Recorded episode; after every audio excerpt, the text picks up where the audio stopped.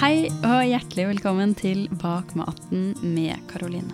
I denne podkasten så er jeg Karoline Aalum Solberg på jakt etter fremtidens regenerative matsystem. Altså et gjenoppbyggende matsystem som legger til rette for alt liv, mennesker, dyr, natur og jord, samtidig som det bygger opp igjen. Denne episoden er et opptak av en live podkastinnspilling som jeg hadde under Øko-uka i Bergen i oktober sammen med Gry Hammer, Markus Hustad og Jon Frede Engdahl. Temaet var 'Hvorfor økologisk?' Men denne samtalen ble så mye mer. Det handla om de store endringene vi ønsker oss i matsystemet, om hvem som har ansvar for å gjøre noe, og om hvilken verden vi ønsker å bo i. Det var rett og slett en skikkelig fin prat med tre skikkelig fine gjester. Den første gjesten er Gry Hammer, som er forfatter, blogger, foredragsholder og bærekraftig matguru, for å nevne noe. Hun har vært med på podden tidligere og er en stor inspirasjon for meg og veldig mange andre. Markus Hustad kjenner jeg fra før gjennom både jobb og min tid som andelsbonde, og er alltid en sann glede å møte på. Han er gartner, birøkter og økoentusiast, og er i dag daglig leder av Økologisk Norge. Den siste gjesten er Jon Frede Engdahl, som er gründer av Kolonihagen og har jobba med økologi i mer enn 25 år. Han møtte jeg for første gang tidligere i høst på en konferanse om mat i tråd med naturen i Røros. Og etter innledningen hans så kjente jeg bare at han her, han vil jeg ha mer av. Så derfor var det veldig gøy at bare noen uker etterpå så fikk jeg anledning til å intervjue Jon Frede på podkasten min. Lurer du på noe eller vil komme i kontakt med meg, så kan du nå meg på karoline.bakmaten.no, eller gå inn på bakmaten.no. Og du, lyden de første minuttene her ble veldig dårlige, men det går veldig fort over. Resten av episoden er helt topp. Det lover jeg. God lytt!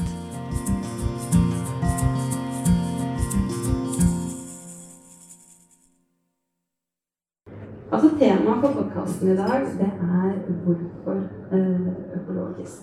Så Jeg tenkte egentlig vi skulle begynne litt sånn i, uh, i det hjørnet. Og jeg tenkte Markus, du kan begynne egentlig med å fortelle hva er økologisk mat for landbruk? Økologisk landbruk og mat er jo mat som er sertifisert av DBU. Så det vil si at det er landbruk og mat som følger et regelverk som man kan og ikke kan gjøre når man produserer mat. Og så er det sånn at det regelverket det er basert på fire grunnprinsipper. Og så er det basert på en retning innenfor landbruket med bønder som ønska å gjøre ting litt annerledes.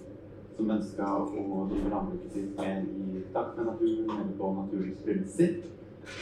Og som så har utvikla seg til dette eh, regelverket, rett og slett. Um, når jeg tenker på økologisk landbruk, så tenker jeg egentlig ikke på disse reglene. som går svart på hvitt.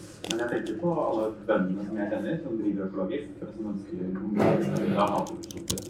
Mm. Og hvis vi skal svare litt på, på, på tittelen hvorfor, uh, hvorfor, vi skal drive økologisk Jeg tenkte det er et veldig veldig stort spørsmål, så vi, vi deler det litt opp her. Jeg tenker du skal få æren av å svare på hvorfor bør man velge økologisk med tanke på uh, ja, natur og økosystemer. Ja. Det første jeg tenker på da, er jo fraværet av sprøytemidler i økologisk landbruk. Fordi fraværet av sprøytemidler i økologisk landbruk tilrettelegger for et større mangfold av insekter. Eh, tilrettelegger for mer mangfold i jorda, og seg. Økologisk landbruk leter etter i måten å produsere mat på som er i takt med naturen, og som baserer seg på naturens egne kretsløp. Mm. Jeg har lyst til å, å fortsette med deg, deg. Hvorfor bør vi spise økologisk med tanke på, på menneskene i, i samfunnet, i systemet? Uh, mennesker er jo uh, Da tenker vi på mennesker både i form av forbrukere og bøndene, og mennesker som kommer etter oss. Uh, og pga. alle de tre, den tre enigheten, så mener jeg at det er viktig. For det er ikke bærekraftig, den måten vi driver matproduksjon på i dag. Det funker akkurat nå i et gitt system. Ehm, det funker økonomisk. Det er tilpassa den økonomiske vekstmodellen, men det er ikke tilpassa velferd. eh, verken det, er ikke bøndene som stikker av med profitten her. De er bare en utbytta arbeidskraft, vil jeg påstå. Det er svært få bønder som, eh, som ikke jobber hysterisk masse, og jeg tror det er veldig få bønder som kjenner til hva en 40 timers arbeidsuke er, f.eks. Uh, og det er heller ikke bærekraftig hvis all den maten vi får kjøpt i de fleste vanlige butikkene, gjør at vi ikke klarer å ta vare på helsa vår.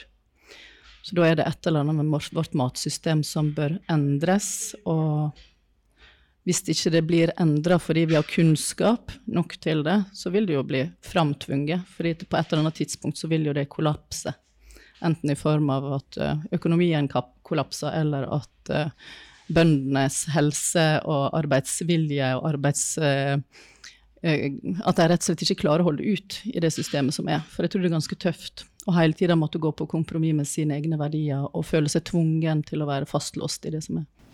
Så du tenker økologisk landbruk på en måte er et eh, steg i den, i den retningen, i det matsystemet du ønsker deg?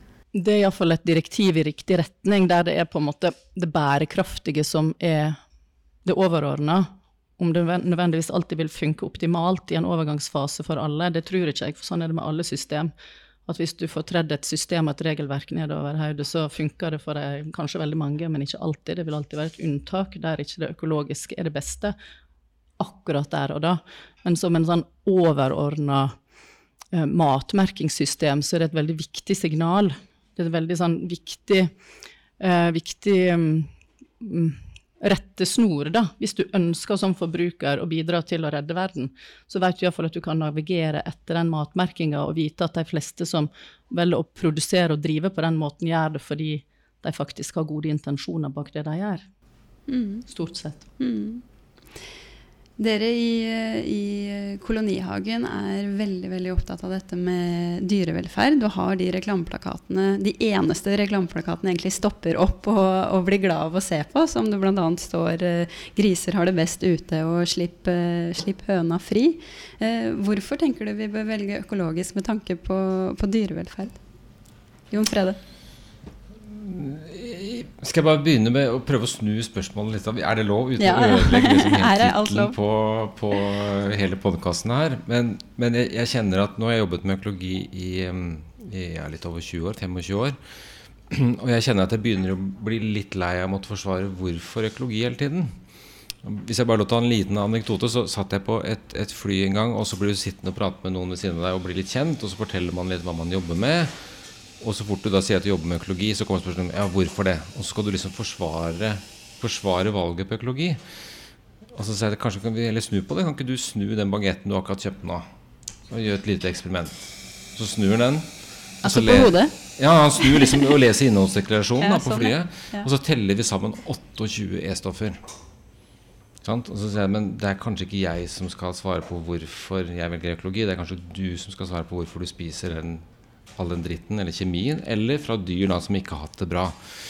Um, og For meg så er det noe med at um, vi navigerer i kolonihagen alltid til smak. Hvis det ikke smaker, så, så kommer produktet aldri gjennom.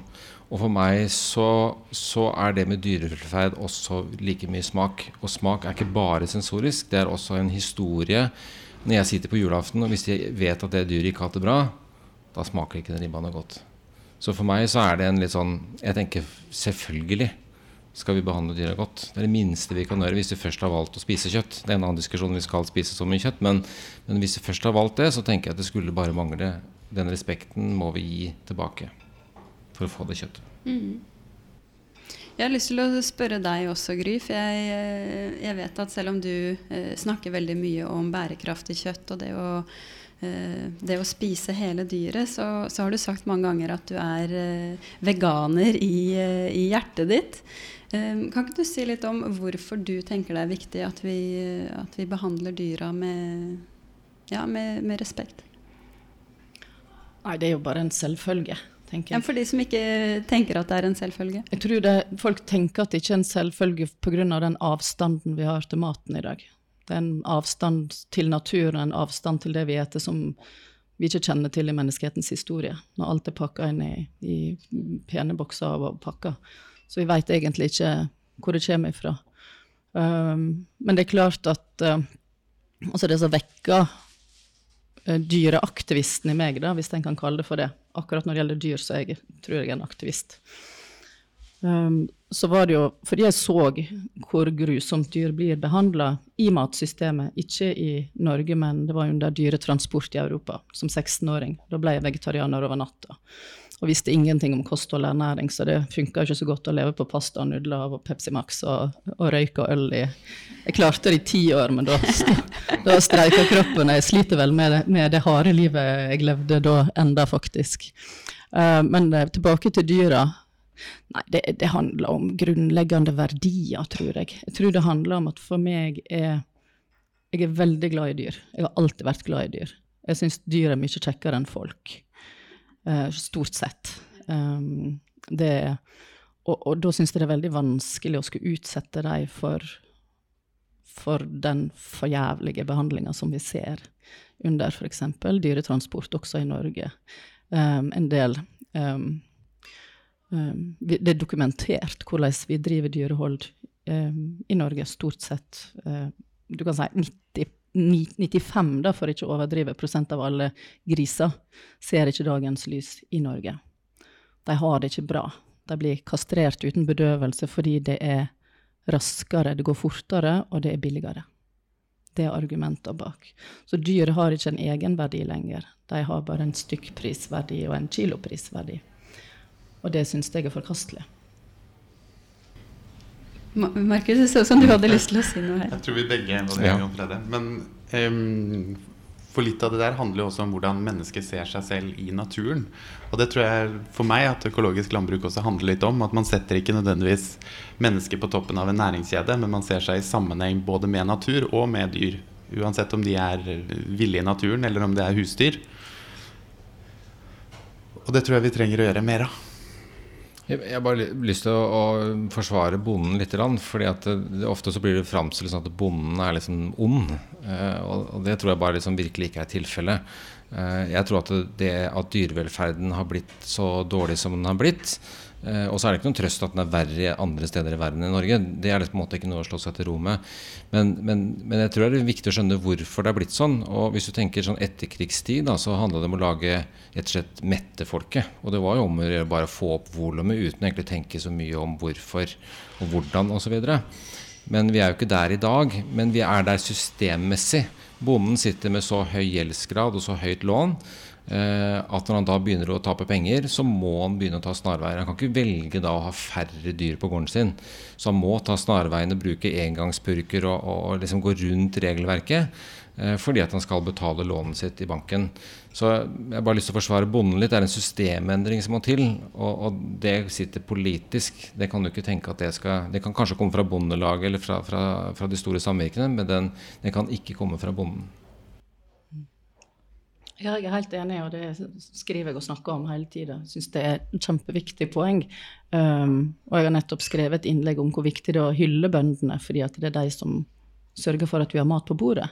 Uh, og de er låst i det systemet. Det er der må, det må skje en systemendring. Men så lenge systemet gagner den økonomiske uh, veksten i et land, så blir det veldig kynisk, da.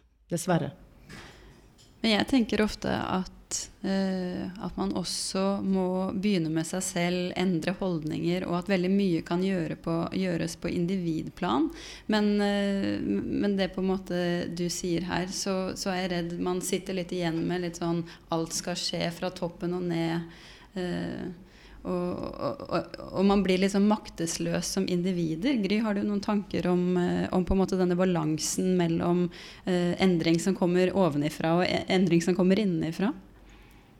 Ja, vi, må, vi, kan ikke bare sitte og vente på at politikerne skal gjøre det vi vil, for da må vi vente til evig tid.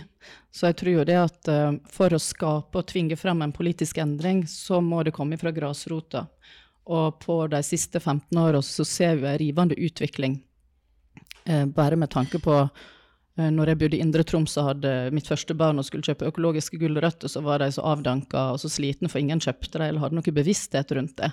Mens i dag så er det jo et ganske stort utvalg, så det har skjedd veldig masse tross alt på 15 år. Også f.eks. takket være Kolonihagen, som da har vært villig til å gå inn i, i um, samarbeid med de store herrene bak dagligvarekjedene og faktisk skape en forskjell i helt vanlige butikker. Og vi må jo også være klar over at folk flest er som folk flest, og velger sånn som folk flest. Og du kan ikke velge noe du ikke er bevisst på at finnes. Så det også som enkeltmenneske ønsker å utvikle deg, ønsker å søke kunnskap, eh, ønsker å kjenne etter hvordan du har det inni deg, om du har det bra. Eh, det er jo det som har gjort at jeg har endt opp med det kunnskapsnivået og ser de sammenhengene jeg ser i dag. Det at jeg skjønte at den måten jeg levde på med nudler, Pepsi Max og, og fest og fjas, eh, det var ikke bærekraftig for meg og min helse. Og derfor begynte da min jakt på å søke etter hva er, hvordan er sammenhengen her, hva er egentlig bra for meg? Og vi er jo teppebomba med informasjon i vårt samfunn, så det er jo fryktelig vanskelig å navigere. Men alle må jo begynne et sted. Men du må være villig til å begynne òg. Du må være villig til å gå inn i dette her og se. For um, og, og, det er jo takket være sånne som oss som sitter rundt runde bordet her, som gjør at vi baner vei og brøyter vei, sånn at vanlige folk skal slippe å tenke og faktisk kan gå på Rema 1000 og Kiwi. Uh, og men, du er avhengig også av idealister som er med på å tvinge fram en opinionsendring. Og det ser vi skjer. Så det betyr jo at det er håp, da. Uh, Jon Frede Gry nevner jo her eh, dette samarbeidet mellom uh, Kolonihagen og, og, Rema 1000. Og jeg vet mange stussa litt over denne, dette samarbeidet. Fordi, jeg også. du også? ja, fordi for mange så tror jeg liksom verdimessig at, at det ble en liten klinsj her med Rema 1000 med, med billig, billig priser, og, og, Kolonihagen som er mer økologi og det vi sitter og prater om nå. Kan du si litt om hvordan det, det, det valget valget var for deg? Ja, altså hadde du, hadde du, spurt meg før det ble en realitet, så hadde jeg sagt aldri i verden. Eh, og jeg tenkte at det var liksom sånn Det å lage en evolusjon i kokkeverdenen, det er liksom få to ting som egentlig ikke passer sammen, olje og vann til å binde seg. Og jeg trodde det var en like mulig oppgave. Um, men, men, det har gått opp for meg etterpå egentlig hvor smart det er i forhold til en demokratisering av økologisk mat. Fordi at eh, vi også levde i en verden hvor vi, vi solgte produktene våre til en veldig høy pris eh, i noen utvalgte eh, Jeg skal ikke si navnet på de andre dagligvarekjedene, men hvor, hvor, økologi ble, ble rett og slett prisa veldig veldig høyt. Det ble lagt på en premiumpris. Vi kjenner alle dette fra økologiske grønnsaker osv., som har en unaturlig høy prisvekst gjennom verdikjeden. Og så kommer vi inn i Rema, og så var det liksom vekke for meg å skjønne at vi, vi må liksom bare være veldig veldig forsiktige med påslagene, men du må vinne i volum. Eh, og er, Det er kun én ting som funker i dagligvare. Det er at du kommer opp i en marsjfart. Er det en, en, en, høyde og et volum som er stort nok. Og så må du da har vi i hvert fall sett det, at når vi gjør det, og vi, vi noen ganger også har klart å selge økologisk mat billigere enn det konvensjonelle, uten å presse verdikjeden bakover. Det er ekstremt viktig å si. da, For det er ikke en god løsning. Det er ikke en varig løsning. Så du må sørge for at bonden får godt betalt, men være edruelig i verdikjeden oppover. Heller sørge for at du tjener på volum. Og den, den um, Uten at det skal bli et sånn reklameinnlegg, da, men, men uh, det, det, det, funker. Um, og det kjenner jeg at før så var det nok en sånn, bare stoltheten bare i at vi klarte å naile et produkt som smakte helt fantastisk. Om det var tre stykker på Oslo vest som kjøpte matkassene våre, så var det litt sånn Ja, det var gøy. Eh, mens, mens, nå kjenner jeg at jeg har en annen trigger, og, og jeg kjenner at det, det, jeg blir glad når vi klarer å løse også hverdagen for folk. da, At økologi ikke blir noe som er en eh, gavesegment eller, eller, noe du ikke har råd til i hverdagen. Mm. Så dere har rett og slett gjort at økologi kommer ut til veldig mange flere? Jeg håper det. Mm. Mm. Og ikke minst, jeg har lyst til å si da, for, det, for det ikke virke som et reklame, reklameinnslag, da, så syns jeg det er viktig, for jeg tror at alle vinner på at vi gjør det bedre. Altså, jeg heier på Englamark, jeg heier på Bondens marked, jeg heier på altså, eh, Fordi at det, det, er ikke én aktør som kan løse dette her, men jeg tror at jo flere som gjør det, jo fortere begynner den ballen som du snakker om, å rulle. da. Og så kommer det en generasjon jeg pleier å si litt som fleipete Greta Thunbergere som kommer til å, å, rett og slett bare tvinge politikerne over tid, og tvinge egentlig fram en endring. Uh, og så er vi utålmodige, vi som sitter her sikkert. da, Vi skulle gjerne sett at det gikk fortere. Mm. Markus? Nei, jeg tror det er veldig viktig at alternativet blir tilgjengelig for den gjengse mann på gata. Fordi vi snakka nå nettopp om den avstanden, f.eks. når det kommer til kjøtt hvordan forbrukere eh, blir langt fra matproduksjonen og da kanskje ikke kan ta gode valg, eller tar helt bevisste valg på hva man velger når man er i butikken. Og En stor del av det handler jo om at man har jo ikke hatt et valg. Man har ikke gått i butikken og så har man hatt muligheten til å velge varer som er produsert på en bedre måte. Det har ikke jeg hatt på butikken, fordi man finner ikke de varene. Jeg med mange er jo sånn som tråler butikker og går på tre forskjellige dagligvarehandler for å liksom fylle opp eh, dagligvareposene sine. Mm. Og da blir ikke det valget reelt. Da klarer man heller ikke å gi de signalene tilbake til politikerne. For jeg tenker at ideelt sett så kan det ikke være opp til hver forbruker å gå på tre butikker for å fylle posene sine. Ehm, det må komme sterke politiske føringer på hvilket landbruk vi skal ha. Og det må komme fra toppen. da. For noen år siden så jobba jeg som trainee i noen av Norges største landbruksorganisasjoner. Og en ting som jeg hørte som gikk veldig mye igjen, eh, var det her med at i Norge så har vi verdens reneste mat. Um, Markus, uh, hvordan tror du den tankegangen har Eller hvilken rolle tror du den tankegangen har spilt for økomarkedet og økologisk landbruk i, i, Norge? Jeg tror definitivt det har hatt mye å si. Og så tror jeg det har hatt mye å si at vi har stått utenfor EU. Så vi har ikke hatt den samme motsetningen med EU-varer og det norske sånn som mange av nabolandene våre har gjort, som jeg tror har bidratt til økovekst der. Og så er jeg veldig opptatt av å si at vi har veldig dyktige bønder i Norge som gjør veldig mye bra i forhold til de rammebetingelsene de har. Samtidig som jeg syns at vi er altfor dårlige på å snakke om hva vi kan gjøre bedre. Og selvfølgelig kan vi gjøre alt bedre hele tiden. Og at man er litt sånn redd for å si tydelig at vi ønsker oss framover. Og vi ønsker hele tiden å utvikle landbruket vårt sånn at det blir mer bærekraftig. Der tror jeg vi har veldig mye å gå på i Norge. Og det gjelder jo økologisk landbruk, og det gjelder konvensjonelt landbruk. Jeg har lyst til å stille samme spørsmål til deg, Jon Frede. Har du noen tanker om det? Um, nei, altså det, er lett å være enig tenker jeg nesten alt det du, du sier der. Uh, jeg tenker også at uh, Eh, mye av grunnen til at det er en avstand Det er lett å sammenligne oss med København. da jeg, jobba tidligere i design- og reklamebransjen. Vi pleide å si at vi, vi, er ti år etter Danmark på alle, alle utviklinger. Og det høres jo helt sånn voldsomt ut, det er ikke veldig langt til København. Men, men, men begynn å se liksom, når fikk vi vårt første designhotell i Norge? Ja, det var ca. ti år etter at det kom i København. og så videre Og, og hvis, hvis det er noen trøst, da, så er vi fortsatt, om ikke ti år, så er vi fortsatt etter. Men, men utviklingen kommer til å komme. Uh, og spørsmålet er egentlig bare hvor fort den er kommet til, Danmark. Den er kommet til Sverige i aller høyeste grad. Den er i ferd med å komme til Norge.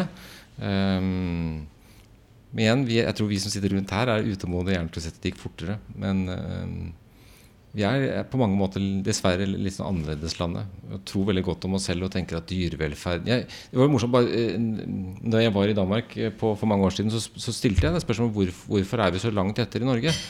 Og så sier de at det er fordi dere tror landbruket deres er som postkortet. Det er, det, er sånn det, det er, ikke sånn det, virkeligheten ser ut. Og der tror jeg nok mange forbrukere også er i dag. At vi er litt sånn naive og tenker at ja, det, er vel, det er vel ganske fint. Det er vel ikke så ille. Samtidig som eh, du sier på godt og på vondt. Jo, jeg var på en økokongress rett utafor København. og snakket, Da hadde jeg eh, en norsk bonde som hadde mista deler av en finger. Og så møtte han en dansk bonde som hadde mista deler av den samme fingeren. Så de, eh, I en arbeidsulykke på gården. Så de fant hverandre litt i den arbeidsskaden. Og da viste det seg at han som var dansk, han driver økologisk, han hadde 250 kyr. Mens den norske bonden hadde 25 kyr. Så det er et veldig eh, komplisert bilde å skulle sammenligne seg med nabolandene våre også, bl.a. pga. deres deltakelse i EU, som har vært med på å liberalisere veldig store deler av deres landbruk. Så det er jo veldig mange ting som vi er heldige med, hvor vi har gode utgangspunkt for bedre og mer bærekraftig landbruk. Det som jeg syns det, det, er viktig det du sier om at man skal ikke alltid sammenligne seg med andre, for det som er typisk norsk, er faktisk typisk norsk. Og eh, sier at vi skal begynne sånn som andre land, begynne å sentralisere oss. Det vil jo dyra lide under. Det at uh, slakteriene nå sentraliseres over hele landet, at uh, vi legger ned sånn at vi har ett hovedslakteri på Østlandet, og heller bygger en ekstra etasje på slaktebilene, sånn at vi får en ekstra etasje med gris på når vi skal slakte dem.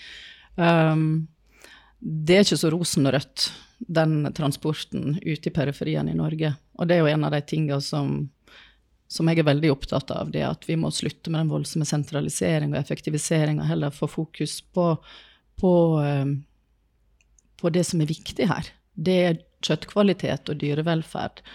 Og så er det jo slik at hvis, hvis maten vår, det er ikke bare kjøtt, det er jo plantekost også, hvis det er behandla skikkelig, så vil det jo bli bra næring for oss. Og vi skal, vi skal, vi skal ikke kimse av det at det er faktisk en forbruker som skal sitte i, i enden og ete dette her. Og jeg husker den første boka jeg skrev, han, eh, han, eh, fotografen som var med der, han kom bare fra Tyskland, han sa at de dumpa 30% av alt svinekjøtt i Tyskland pga. at dyret var så stressa at kjøttet var ikke etende. Så det betyr det at modellen vi er i, og matsystemet vi er i, um, tillater en viss mengde lidelse, da. Fordi det passer systemet. Og igjen, det her systemet som vi vil til livs, det Jeg tror vi må tilnærme det fra mange hold, da. Både jobbe politisk, men også som du gjør, og jeg gjør for så vidt òg, til, til, tilføre markedet gode alternativ som forbrukerne kan navigere mellom. Også tvinge fram endringer. Hvorfor er det ingen som snakker i det offentlige rom nå om mobilslakteri? Hvorfor er det ikke en aktiv debatt rundt det? Politisk? Altså det at man kan slakte hjemme på gården? Ja, eller at man begynner å gjøre business av mobile slakteri og sånne hubs rundt omkring i Norge. Eh, jeg er ganske sikker på at det er såpass mange bevisste forbrukere etter hvert at det er mulig, hvis man også på et politisk nivå Eh, er villig til å teste det ut. da. Være villig til å teste ut noe annet enn bare akkurat den der firkanten som vi beveger oss innenfor og tror at må være akkurat sånn.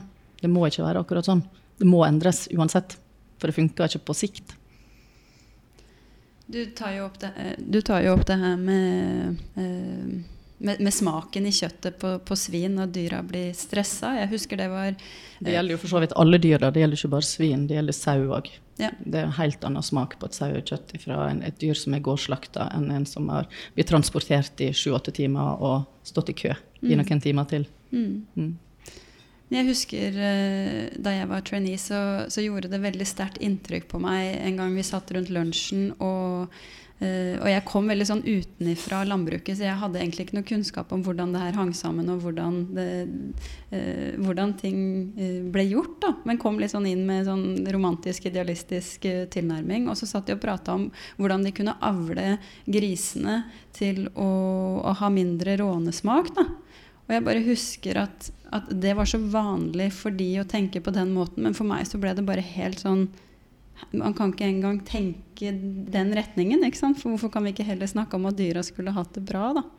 Det virker veldig romantisk da, når vi sitter og prater sånn om det. sant? Og um, jeg er, når jeg snakker om å være en bevisst forbruker, så handler det f.eks. også om å bruke sosiale medier sånn at du blir, bruker det sånn at du finner ut litt mer enn om bare hva naboen har gjort på fest i fjor og sånn, og i forgårs romaturen og sånn. Så hvis du f.eks. er medlem i en gruppe som heter Venner av norsk landbruk på Facebook, så vil du få ganske mange interessante innsyn i hvordan både sånne som oss tenker og deler, hvordan de som er fastlåst i det systemet som er, og driver helt konvensjonelt, eh, hvordan de tenker. Og det er veldig interessant å forstå hvordan man tenker innenfor de ulike måtene å produsere mat på. Da. For å forstå hvor man skal begynne den. Hvordan skal du uttrykke deg? Hvordan, hvilken retorikk skal du bruke? Eh, hva, hva, semantikk. Hva, en, altså, hva, betyr dyrevelferd? Det blir sånn semantisk diskusjon til slutt. ikke sant? For, for hva, er, hva, er, dyrevelferd? Det er veldig mange som mener at uh, det eksisterende matsystemet er et eksempel på strålende dyrevelferd, fordi man sammenligner seg med europeiske forhold. Og alt er relativt, og alt kan sammenlignes, men det betyr ikke at det er strålende. ikke sant? Så, så jeg mener at vi må få en verdidebatt inn i mat, matdiskusjonen. Altså verdier inn på et politisk nivå, da. Alle var enige. Så bra. Nei, men er, er, det også litt sånn uh, i Norge en jantelov, da? At alt skal egentlig være ganske likt. Du skal ikke skille deg så mye ut. Og det merker jeg hvis man begynner å snakke om økologi. Skal liksom, du blir fort bedt om å sette deg ned, for du må ikke tro at dine ting er noe bedre enn uh, Og så prøver man å snakke det ned. Og litt av utfordringen i landbruket i dag er jo at det, det har jo gått mot ett produkt. Altså melk er ett produkt i Norge. Ja, du kanskje får økologisk melk, uh, men, men, men, det er ett produkt. Og på kjøtt så har det i lang tid vært på en måte Kjøtt er kjøtt. Um, og det er klart at hvis du da som bonde ikke har et initiativ for å, faktisk eh, gjøre noe bedre, da, så, og du ikke får mer betalt for å gjøre det bedre, så blir det jo ikke bedre. Så jeg tror at norsk landbrukssamvirke skal også ta en del av ansvaret for å si at vi har laget en sånn veldig sånn generisk tanke. Melk er melk, kjøtt er kjøtt, osv. osv. Um, og jeg var og besøkte en, en melkebonde her som driver biodynamisk. Uh, og som ønsker at kudene skal gå ut og beite og bare spise gress. Uh, så gressfôr av melk. Og da har du altså en nesten 50% reduksjon i volum på melk. Hvis han da leverer det, og de leverer melka si inn til Tine, så driver han med veldedighet. Han får jo ikke noe mer betalt. Og det er jo hyggelig at han gjør det. Men skal vi få til en endring, så må vi også sørge for at det skal lønne seg for bonden å tilstrebe seg. Så hvis han gjør litt bedre dyrevelferd hver eneste dag, ja, så skal han få litt bedre betalt hver eneste dag. Så det må henge sammen. Hvis ikke så ender vi opp med å overlate dette her til de som skal drive med veldedighet. Så det blir lønnsomt å drive, drive med god dyrevelferd. Ja, um, innenfor sauehold, da, før så var det jo slik at du fikk, ble premiert som bonde for kvaliteten på kjøttet. Ergo så var det jo kvalitet var viktigere enn tall. I dag så blir du jo premiert per stykk. Så det betyr at du også da får tommel opp for å avle fram dyreraser som kan bære flere eh, foster i sin eh, mage. Eh, det ser ganske absurd ut. Det ser ut som sånn her absurd kunstverk når du ser en fulldrektig sau med fire lam inni seg. Og det er ganske mye mm, smerte og sprengte indre organ og diverse i sving fordi vi velger en sånn måte å produsere mat på. Og det er ikke bonden sin feil, for den blir premiert på stykk og ikke kvalitet på kilo. Og der er igjen et sånt eksempel på at vi er nødt til å jobbe politisk. Vi er nødt til å endre systemet som legger opp til at vi skal ha den form for dyrevelferd i Norge. For det er jo på en måte mangel på det. Og så kan du jo si at bonden kan jo velge hva slags rase den har, men de fleste gjør som alle andre innenfor et system, og disse bondeorganisasjonene er jo også veldig sånn lojale mot hverandre. Så når du ser også, Det var veldig interessant å se i kjølvannet av avdekningene innenfor svinehold da, i Norge, så, så var det til og med de mest hardbarka økologiske og regenerative bønder støtta bonden som bondestand i den massive kritikken imot forbrukeren. Så vi har en sånn veldig sånn sterk lojalitet også. Jeg er bonde, og derfor jeg støtter jeg alle andre bønder. Men det er viktig å røske litt opp i egne, egne leirer av og til og presse fram noe nytt. Jeg syns de er veldig modige, de som våger. Det er veldig mange som ikke har mulighet fordi de ikke har økonomisk mulighet til det, og det forstår jeg. Jeg, jeg har full forståelse for det, men det betyr ikke at, det, at vi ikke skal jobbe for å få fram en endring. da. Jeg tenker at den endringa er helt nødvendig, fordi matsystemet vårt funker ikke sånn det er i dag. Det gjelder jo i hele verden. Vi har nesten en milliard som sulter, og så har vi over en milliard som er overvektige. Vi eksporterer mat fra land hvor eh, sulten øker. Det funker ikke for klima, det funker ikke for miljø, det funker ikke for dyra, det funker ikke for helsa vår.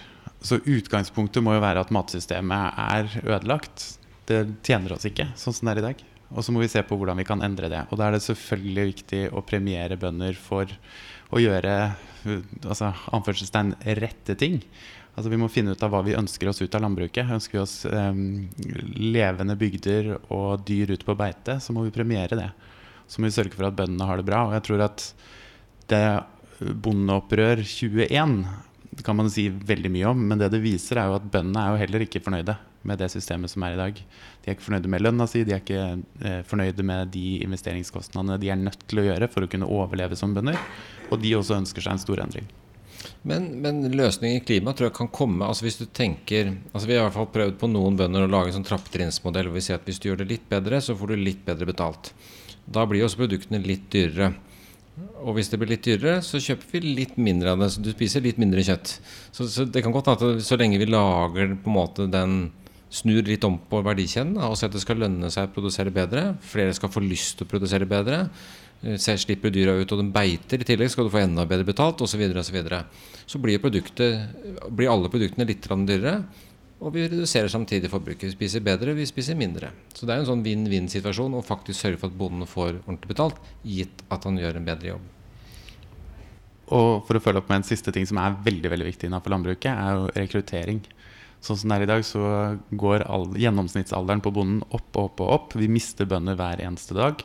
Og hvis vi skal klare å opprettholde matproduksjon i landet vårt, på bruk over hele landet, så må vi fortsette å rekruttere. Og det klarer vi ikke uten at folk kan tjene på å drive godt landbruk. Jeg husker eh, da jeg var trainee, så så var det ganske mye Opplevde jeg ganske stor motstand mot det å eh, ha liksom merkeordninger på eh, spesielt kjøtt, da, som, som, viste fram at dette er kjøtt av sedvanlig god kvalitet, fordi det også betød at at de som ikke hadde den ordningen, var dårligere. ikke sant? Du, har du noen tanker om, eh, om akkurat det der, Jon Frede? Nei, jeg, jeg, jeg, tror vi er nødt til å komme dit. Ja, vi, vi, må gjøre det enklere for forbrukeren å navigere. Økologi er en enkel måte å navigere på. Uh, og Så kommer det sikkert flere, og om det er andre ting vi navigerer på i framtiden. Men, men jeg tror det, altså, det, er viktig at du har noen som, som kontrollerer og sørger for at, at det ikke bare er noe du kan grønnvaske og si. At det er nok av de som sier eh, lykkelige, glade, snille, godt. Eh, altså, så, så jeg, jeg, tror, jeg, tror, på merkeordninger.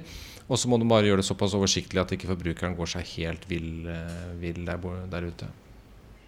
Da jeg hadde denne korte praten med deg i Røros, så kom jeg bort til deg i en pause rett etter at du hadde fått litt uh, tyn fra, fra, scenen, fordi Kolonihagen hadde tatt henter en del av råvarene sine fra utlandet. Mm.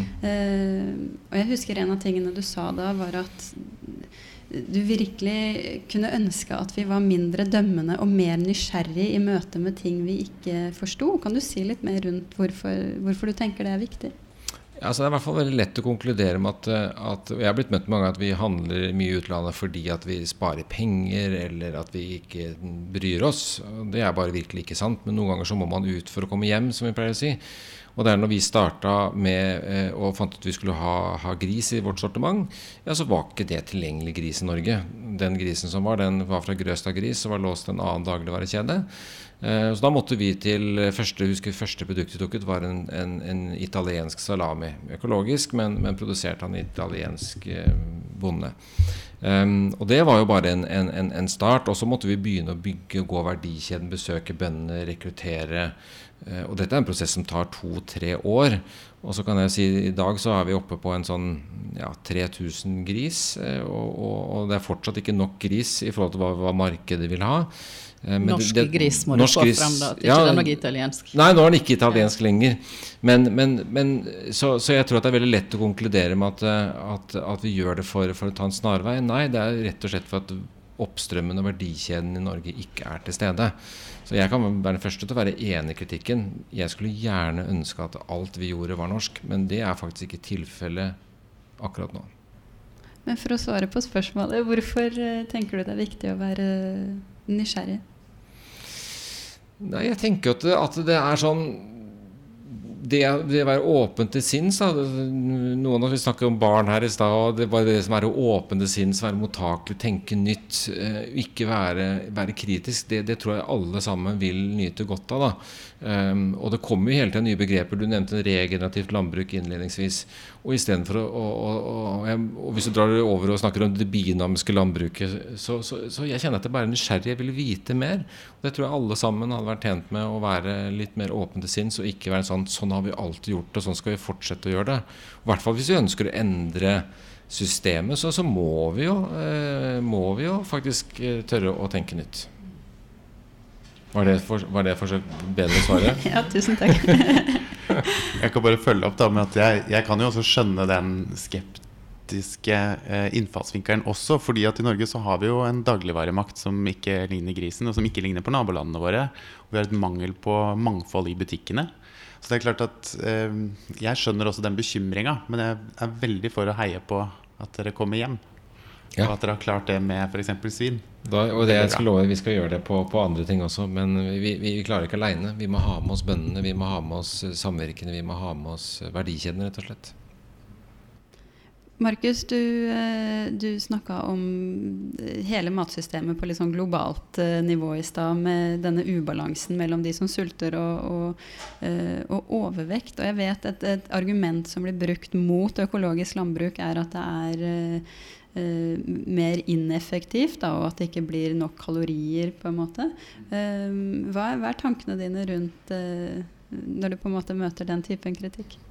Den kritikk møter vi ofte, rett og slett. Så det er vi jo ganske vant til å svare på. Og jeg syns ikke egentlig at det er så vanskelig, fordi hva er det man legger til grunn da? Det kom en forskningsrapport for noen uker siden fra EU som viste at hele EU kan være økologisk hvis man legger litt om på kostholdet sitt. Og det føler jeg er nøkkelen med alt. Hva er det vi spiser, eh, hvordan er det produsert, henger sammen. Og bare å si at økologisk landbruk har en avlingsnedgang, blir altfor enkelt. I tillegg så kommer det mer og mer forskning som viser at økologisk landbruk er godt eh, når det er klimaforandringer. Altså med mer ustadig vær så kan økologisk landbruk bl.a. pga. bedre jordhelse være veldig viktig eh, for å fortsette å kunne produsere mat. Og så er det ofte sånn at eh, økologiske gårder, hvis man ser på en økogård som har drevet økologisk i to år, så kommer den til å ha lavere avlinger enn en økogård som har drevet i 20. Så akkurat de avlingstallene er jo også variable, og jeg føler at vi, vi, har ikke god nok forskning på det. Og jeg skulle gjerne sett mer. Men jeg er uansett litt uenig i premisset for sånne spørsmål. Fordi det, Skal det være sånn at vi bare skal produsere for å produsere, eller skal vi produsere på en god måte, og så får vi se hvordan vi kan spise likevel? Ja, er det, det, er jo en sannhet som, som, definitivt ikke er så enkel å bare påstå det. Som Verdensrekorden i arealdyrkning på, er gjort økologisk på potet og ris og flere ting. Ehm, da er det jo flere ting som skal stemme for at det, du skal være en god agronom, og du skal ta bruk flere enn bare økologiprinsippet. Men, men, jeg er helt sikker på at du klarer å fø en hel verden med, med et bærekraftig landbruk. Og det er egentlig ikke noe alternativ. For Hvis ikke så er det bare sånn sitte og se på at noe som går utover stupet. Vi må endre noe. Vi må, både, og vi må både endre både hvordan vi produserer maten, og selvfølgelig må vi endre hva vi spiser. Men, men um Og det er jo også sånn at man kan fø hele verden på et indisk kosthold i dag. Mm. Men vi er langt fra å kunne gjøre det på et amerikansk. Mm. og da tenker du på mindre forbruk av kjøtt? Eh, blant annet. Og mer uh, belgvekster? Og... Ja, blant annet. Men det er jo en helhet der også. Ja, ja. Men hva tenker du da rundt norske forhold? Si at vi skal satse på å være mer sjølberga for å være mindre utsatte i hvis det skulle bli en klimakrise, hvis det skulle bli en transportkrise. For da vil vi være veldig avhengig av internasjonal handel, ikke sant? hvis vi skal leve på et indisk kosthold. Og så har vi da i Norge 3% landjord til plantekost, og så egner vel ca. 1 av det seg til menneskefødeproduksjon. Og så har vi 60 Jeg skal bare fullføre resonnementet, jeg ser du er sulten på å svare. Og så har vi ca. 60% areal til å drive med beite, og utmarka vår er gjengrodd. Hva tenker du rundt å satse på de driftsformene som er mest egna for norske forhold også? Jeg spiser gjerne erter og bønner, altså, det er ikke det jeg sier, men hva tenker du rundt det? Nei, selvfølgelig. Du har bare, Poenget med det var å vise at premisset for spørsmålet blir så vridd ut fra hva man tenker på. Det er også en annen forskningsrapport som er kjempespennende, som omhandler de nordiske landene. Og hvordan de nordiske landene sammen kan fø på hele den nordiske befolkninga. Og der har du jo et helt annet uh, tankesett knytta til beitedyr f.eks.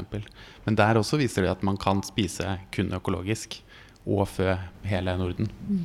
Men du mente altså vi spiser indisk mat, ikke at den må være lagd i India?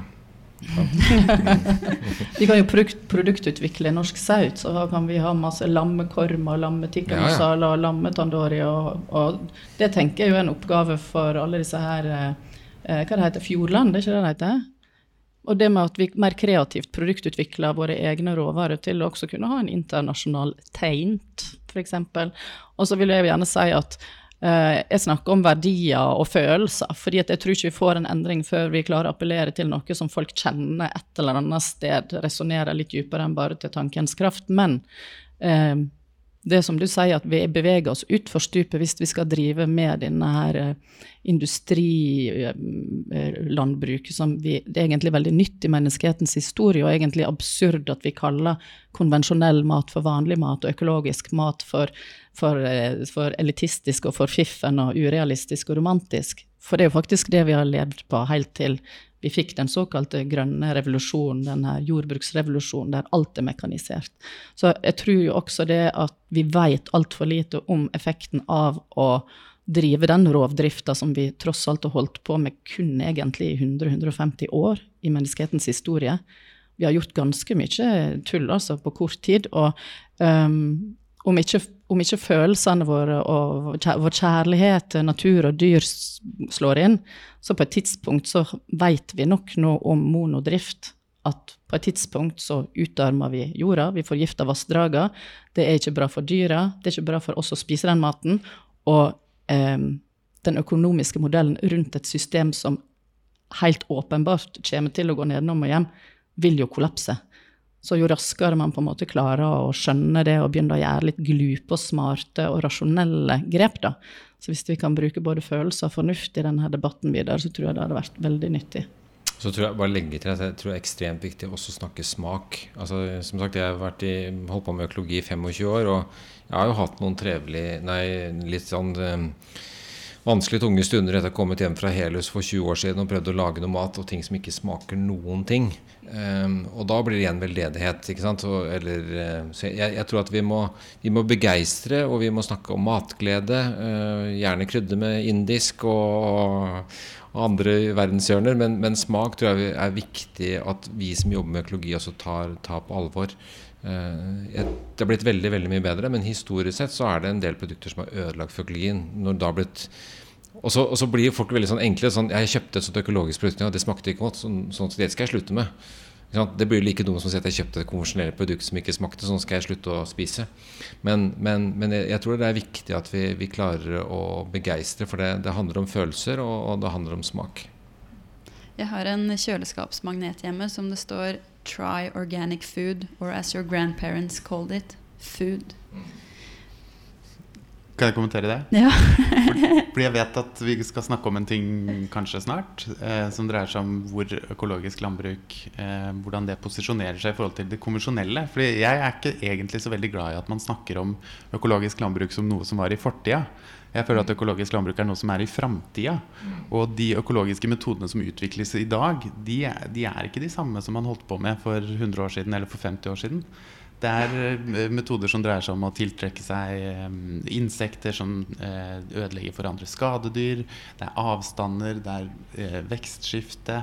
Det er veldig mange ting som resten av landbruket kommer etterpå.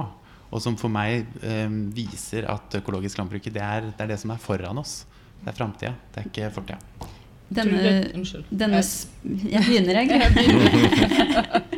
ja, du snakker om denne spydspissfunksjonen. Men jeg, jeg tenker jo, Markus, når du sier det du gjør, at eh, ja, det er fremtiden, men veldig mange av disse eksemplene du kommer med nå, handler for meg om å på en måte vende litt tilbake igjen til naturen og naturens prinsipper. Og jeg tror kanskje det er det mange tenker på med, med, med når man på en måte refererer til eh, fortiden. Da. Ja. Mm. Men nettopp denne her eh, samarbeidet som jeg tror vi må ha også med det, det konvensjonelle landbruket, og hva er det som har fungert, og hva er det som ikke har fungert. For det er helt sikkert noe man har fått innsikt i eh, innenfor det konvensjonelle som man kan dra nytte av når man skal utvikle og tenke framtidens økologi. Og det å åpne opp og begynne å bygge litt bruer istedenfor å sitte og slå på hverandre og si du er dum, og du er dum, og du er slem, og du er romantisk. Altså At vi kommer oss forbi det nivået der. For jeg tror nettopp som du sier, at det er framtidens økologi. Det blir masse um, um, Kanskje droner blir viktig inni her. Um, masse medisinsk forskning som jeg tror kan være veldig nyttig å ha med seg videre. Ja. Men det er også i forhold til smak eller i forhold til dyrevelferd, så tenker jeg at Tenk så fantastisk hvis vi hadde hatt politikere som la til rette for f.eks. 25% økologisk landbruk, sånn som de jobber for i EU nå. Tenk hva det ville gjort med hele landbruket i overføringsverdi for det konvensjonelle. Tenk hva det ville gjort med mulighetene for å utvikle smak og produkter som forbrukeren kanskje ikke kjenner til i dag. Eh, produkter som forbrukeren ønsker seg, og den tilgjengeligheten de produktene ville hatt i butikkene. Og den muligheten det ville gitt forbrukerne til å gi en tydelig beskjed om hva de ønsker seg også i framtida. Vi er nødt til å begynne å, å gå litt inn for landing og liksom begynne med avslutningsspørsmålene. Um, Og en av, en av, de tingene jeg tenker er, eh, er liksom grunnen til at vi sitter her og, og, snakker om økologisk landbruk, er fordi vi har lyst til å gjøre verden til et, eh, et bedre sted. Og for meg så, så, er det på en måte å snakke om dette regenerative, oppbyggende matsystemet. Ikke bare regenerativt landbruk, men et regenerativt liv og uh, et, et, system. da. Um, så jeg har lyst til å spørre dere alle sammen hvordan, hvordan kommer vi på en måte dit? Dette bitte lille spørsmålet hvordan gjør vi verden til et bedre sted, og hvordan uh, redder vi verden? Gry, kan vi begynne med deg? Ja, jeg tror det handler også om å uh, jobbe gjennom de kanalene der du får resonans, da. Um, så før, da snakket jeg veldig masse med deg hjemme og trampa mine tanker ned i hodet på unger og mor og svigermor og mann og, og, venner. Og så har jeg slutta med det, og så prøver jeg heller å formidle det jeg tror på, ut til riktige kanaler, som å velge å være med på den podkasten her, som å være med på å forandre matsystemet ved å tilføre nye produkt, ved å formidle kunnskap. Og da trekker du til deg de som er nysgjerrig på det samme, og så begynner det på en måte å bli balle på seg, og det blir større. Så jeg tror det handler litt om å gjøre det som er riktig for meg.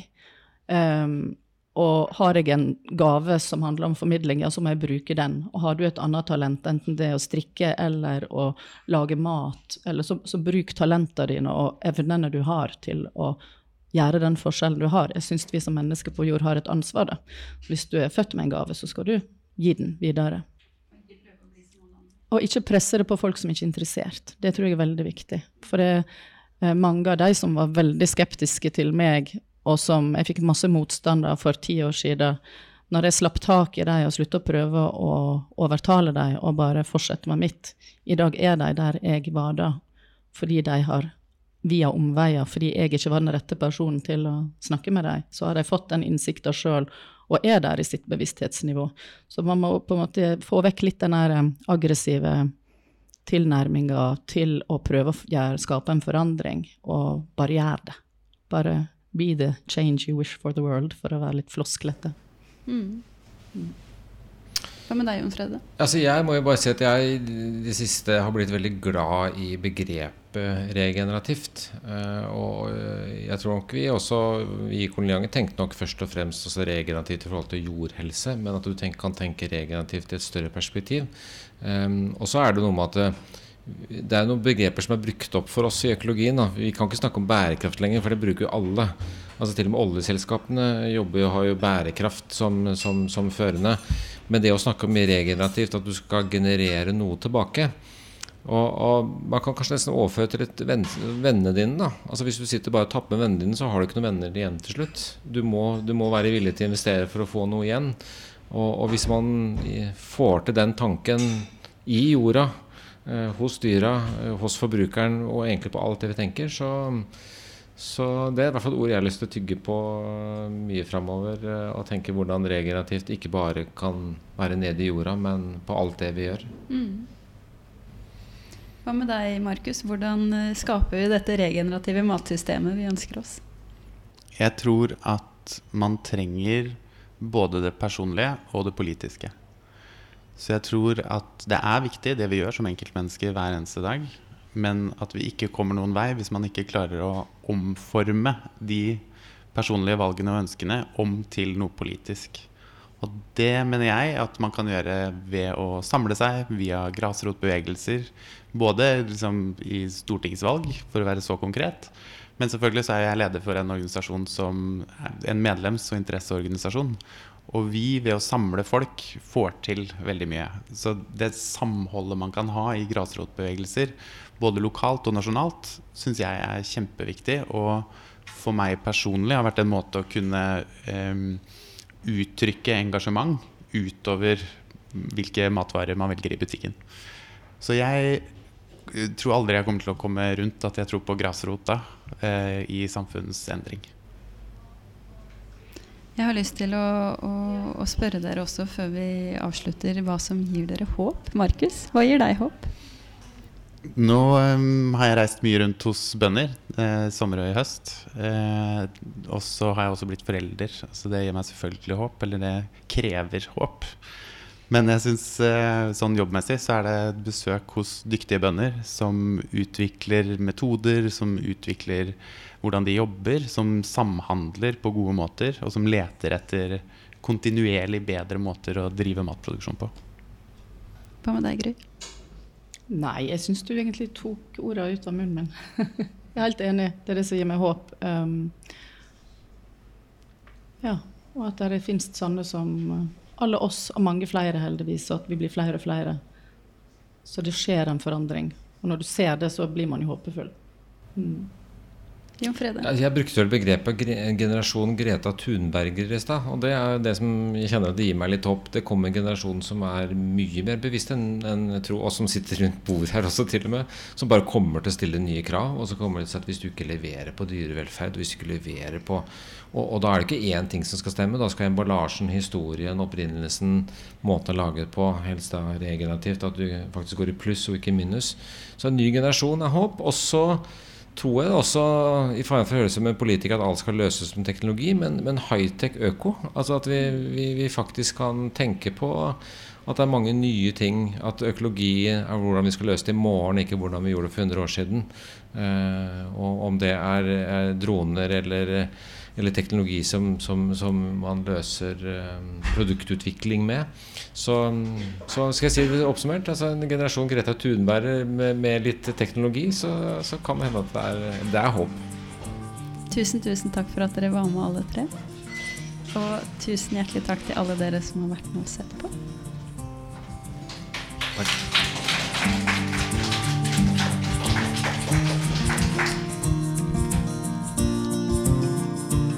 at du hørte på denne episoden, som er laget av meg, Karoline Olum Solberg, med midler fra Økouka i Bergen. Musikken er produsert av Creo og Liro Sver. Lurer du på noe, så kan du ta kontakt med meg på karoline.bakmaten.no, eller gå inn på bakmaten.no.